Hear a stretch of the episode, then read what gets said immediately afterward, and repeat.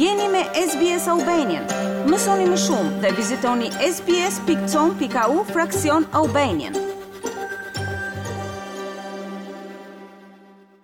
Kryekomisioneri shtetëror i zgjedhjeve, Ilirjan Celibashi, ka deklaruar në konferencë për mediat se kostoja për zgjedhjet e ardhshme lokale të katërmbëdhjetë majit pritet të jetë pesë pikë tre miliardë lekë. Nga këto, tre miliardë janë llogaritur për projektin e votimit elektronik në gjashtë bashki të tjera nëse ai projekt do të realizohet. Sipas Celibashit, në zgjedhje do të përfshihen treqind e pesëdhjetë e dy punonjës, pa përfshirë operatorët e identifikimit elektronik.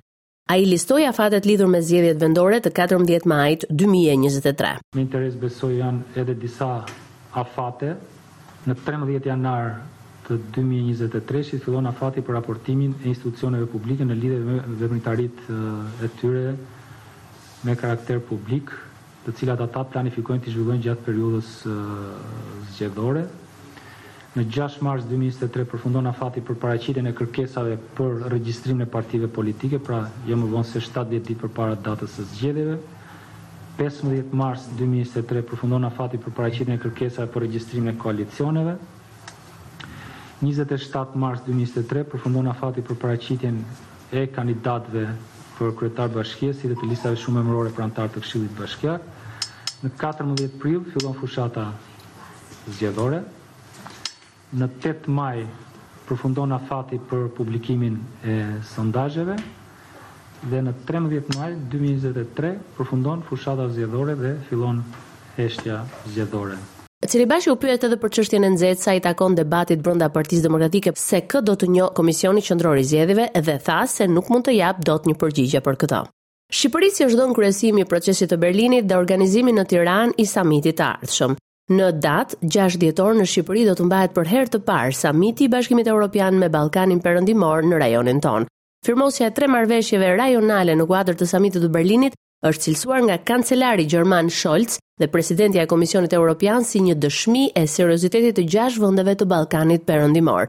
Liderët e Shqipërisë, Kosovës, Maqedonisë së Veriut, Malit të Zi, Serbisë dhe Bosnjë-Hercegovinës i hapën rrugën lëvizjes së lirë me karta identiteti, njohjes së diplomave të arsimit të lartë, si dhe njohjes së kualifikimeve profesionale të mjekëve, dentistëve, arkitektëve në kontekstin e marrëveshjes për tregtinë e lirë në Europën Qendrore. Kryeministri Rama teksa vlerësoi kancelarin Scholz për arritjen e nënshkrimit të tre marrëveshjeve, kërkoi nga Bashkimi Evropian që Kosova të mos lihet mënjanë. Pyetur në lidhje me emigrimin e shqiptarëve në BE, Scholz dhe von der Leyen e cilësuan si një koncept të mirë për të gjithë Unionin. Në samitin e procesit të Berlinit u fol edhe për grantin që Bashkimi Evropian do t'i japë nga janari i vitit të ardhshëm vendeve të Ballkanit Perëndimor për përballimin e krizës energjetike. Ky samit i paraprin atij të samitit të Bashkimit Europian me Ballkanin Perëndimor që do të mbahet në Shqipëri pra në datën gjashtë dhjetor. Gara për drejtimin e SPAK-ut do të ketë rivalitet, pas Adnan Xholit dhe prokurorët Edvin Kondili dhe Altin Dumani kanë zyrtarizuar kandidimin për këtë post.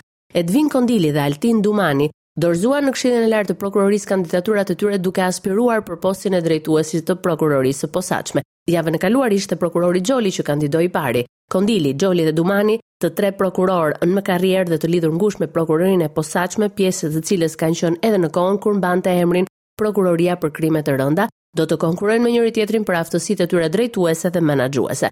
Kandidatët kanë dorëzuar edhe platformat e tyre, të cilat pritet të shqyrtohen nga KLP bashkë me statistikat për punën gjatë ushtrimit të funksionit si prokurorë të posaçëm.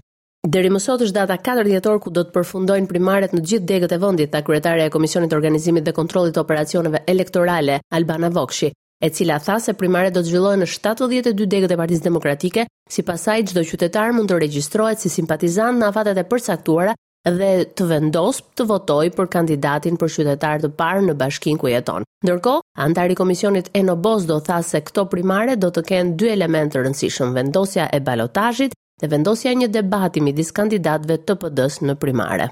Ndryshe nga sa kishin paralajmëruar pedagogët protestues nuk kanë hyrë në grevë urie. Ata thanë se janë gati për ngujim, por nuk do ta hedhin këtë hap nëse presidenti i Republikës dhe ndërkombëtarët nuk garantojnë siguri për jetën e tyre dhe të familjeve të tyre.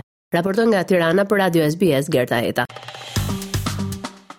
Klikoni në like, ndani dhe komentoni SBS Albanian në Facebook.